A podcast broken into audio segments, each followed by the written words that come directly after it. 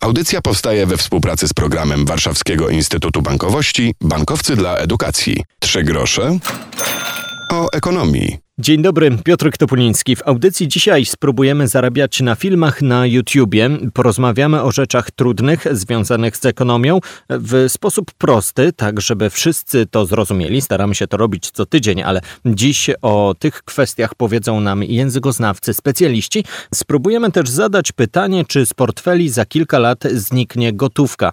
Są nowe badania poświęcone płaceniu bezgotówkowemu. Okazuje się ono coraz popularniejsze, co pewnie widzicie na co dzień w sklepach. Za nami dwudniowe seminarium Nauka, Gospodarka, Media. Zaczęliśmy od kwestii związanych z językiem polskim. Profesor Jerzy Bralczyk odpowiadał na pytania, jak i czy należy łączyć język potoczny z językiem naukowym. Przy okazji spytaliśmy też o język ekonomiczny. Dobrze znacie powtarzające się hasła, że projekt jest innowacyjny. Mamy kilka projektów, w których pojawia się mm, słowo, hasło, symbol plus. Jak wpływa to na odbiorców? Profesor Jerzy Bralczyk. Plus jest takim znakiem, który trochę komplikuje wypowiedź tekstową, bo to jest mm, znak arytmetyczny i znak z innego systemu przyciąga uwagę. Plus tak, do takich należy. Już znaki interpunkcyjne czasami uwagę przyciągały jako częściowo przynajmniej y, wzięte z innego kodu, tak przyciągają uwagę emotikony, ale plusy i inne, i inne znaki. No ciekaw jestem, jakby się dało, dało wykorzystać na przykład pierwiastek. Na pewno media ujednolicały przez lata mm, sposób mówienia i eliminowały różnice, zwłaszcza terytorialne w mówieniu. Dzisiaj jest taka mnogość mediów, że można też mówić o y, zwyczajach y, charakterystycznych dla y, czy to poszczególnych typów mediów, czy też dla mm, poszczególnych nadawców już.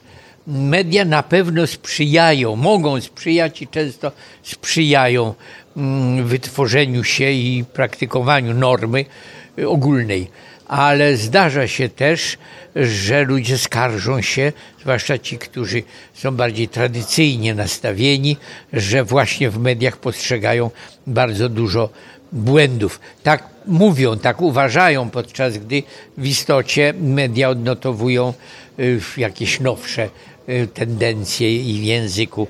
No a poza tym media to ludzie, to ludzie, a ludzie, a ludzie mówią jak ludzie. To mówił profesor Jerzy Bralczyk. W audycji dzisiaj będziemy patrzyli na gospodarkę z punktu widzenia, no właśnie, języka polskiego albo internetu. O tym za chwilę. Wcześniej jednak jeszcze wątek akademicki związany ze studiowaniem. Dominik Leżański z Parlamentu Studentów RP przedstawił nam badania, z których wynika pewien niepokojący dla naszego gościa wniosek. Polacy coraz mniej chętnie wyjeżdżają na Erasmusa. Później tego żałują i widać to jest, jeśli się rozmawia z absolwentami w wieku 30 30 kilku lat mówią, szkoda, że nie wyjechaliśmy na Erasmusa, bo mogliśmy mieć przecież fajną przygodę, nauczyć się wielu rzeczy i zobaczyć zupełnie inny świat. Więc to umiejętność spada. Kilka innych powodów, często prywatnych, e, może stypendium Erasmusa powinno być trochę większe. Ciężko powiedzieć, ale jakby analizujemy to i widzimy, że niestety to jest niepokojący trend bardzo. A na rynku pracy co teraz będzie się liczyło? Bo wy też y, staracie się jako Parlament Studentów trochę wskazywać jakieś trendy, a może zaznaczać, które kierunki studiów, czy bloki, czy humanistyczne, czy ścisłe będą modne, przydatne, nie wiem, czy to tak mogę określić. Te bardziej e, popularne i przynoszące mm, jakby łatwiejsze zatrudnienie e, to są raczej kierunki e, ścisłe i techniczne. Natomiast nie można też mówić, że kierunki społeczne czy humanistyczne są mało atrakcyjne.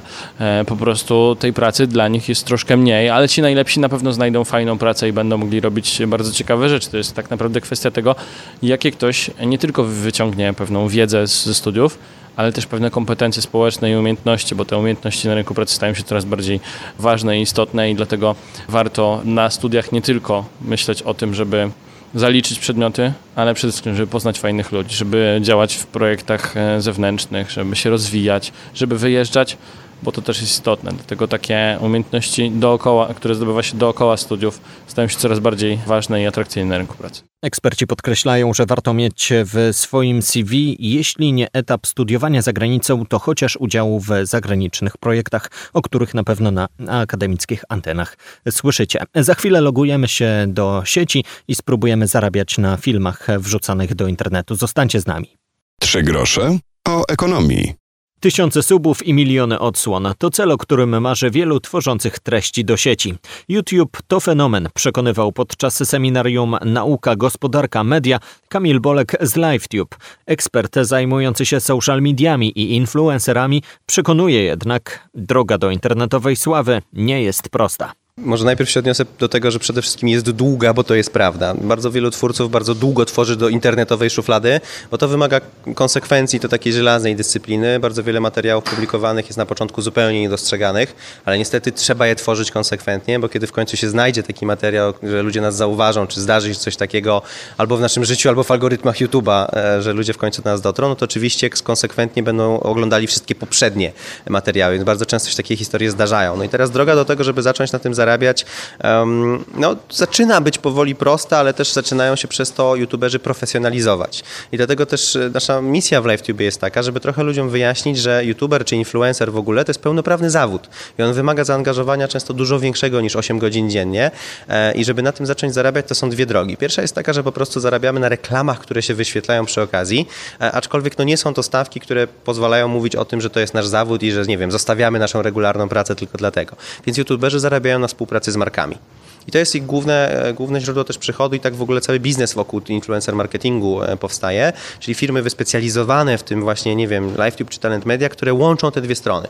I teraz bytność w takiej sieci powoduje, że mamy po prostu pełen management, czyli kogoś, kto nas reprezentuje i kto no, pozwala nam docierać do marek, ale z drugiej strony, jeśli sami potrafimy takie rzeczy robić, czyli trochę oprócz twórczości, scenariuszy i tematów, myśleć bardziej w kategoriach deadline'ów, briefów, KPI i tego wszystkiego, co w, przez marketing się przewija, no to to jest droga droga do tego, żeby od może mniejszych projektów po te największe zacząć pracować z markami i jak najbardziej stworzyć z tego swój własny profesjonalny zawód. To często jest taki konglomerat, to znaczy bloger, influencer nie tylko ma swojego YouTube'a, lecz także Instagrama, Twittera, Facebooka i w stałym kontakcie ze swoimi odbiorcami.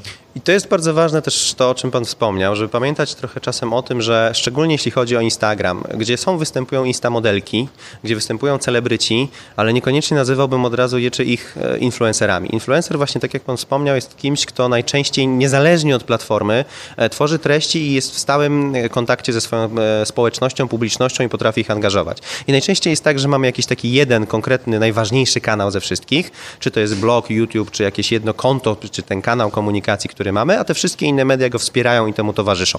Ale wielu influencerów tworzy w ogóle cały swój ekosystem, takie uniwersum. E, tworzą swoje gry mobilne, nie wiem, Cybermarian ostatnio stworzył Cyberjunk, swoją własną grę, e, gdzie jest w ogóle postacią, gdzie jest bohaterem. Oprócz tego piszą książki, wydają jakieś własne gadżety, e, występują w programach, więc to zdecydowanie nie jest tak, że oni są, nie wiem, przypisani tylko i wyłącznie do jednej platformy. Dobra, w wakacje nasi słuchacze będą mieli trochę więcej czasu, czyli co, zbieramy kumpli, koleżanki, siadamy z telefonem i coś zaczynamy kombinować, bo nie mamy wielkich budżetów, ale być może jakiś pomysł głowie siedzi.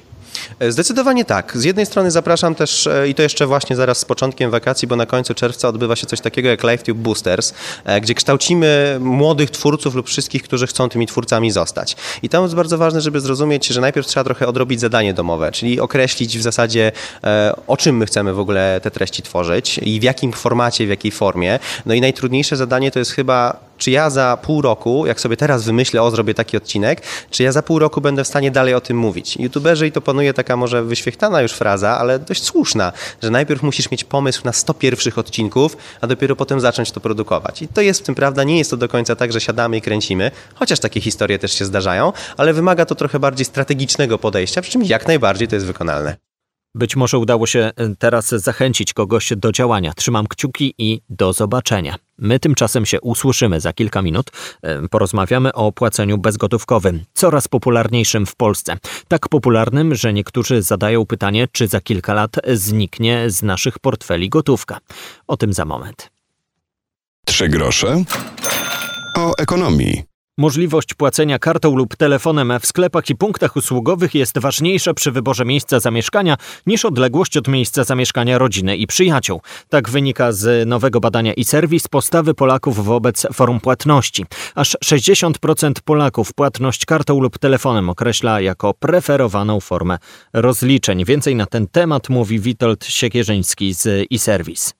Tak, płatności bezgotówkowe są czymś, co polubiliśmy. To jest też, myślę, konsekwencja tego, że jesteśmy jednym z najbardziej innowacyjnych i nowoczesnych społeczeństw e, pod względem w ogóle nowych form płacenia.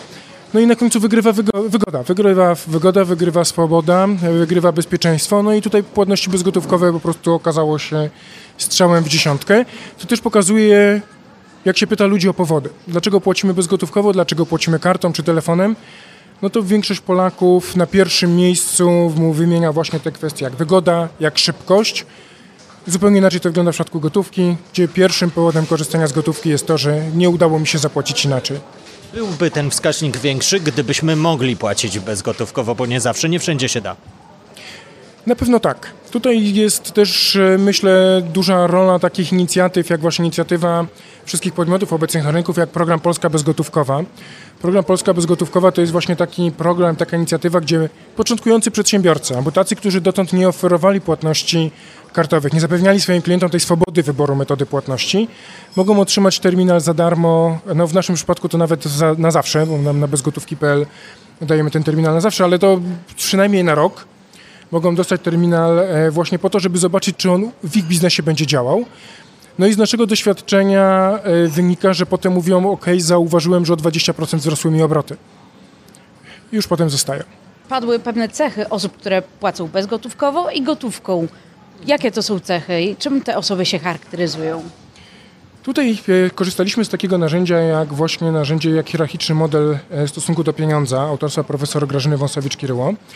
E, I to badanie pokazało, że ku tak, wbrew takiemu stereotypowi, te osoby, które bardziej impulsywnie wydają pieniądze, to są ci, którzy preferują gotówkę.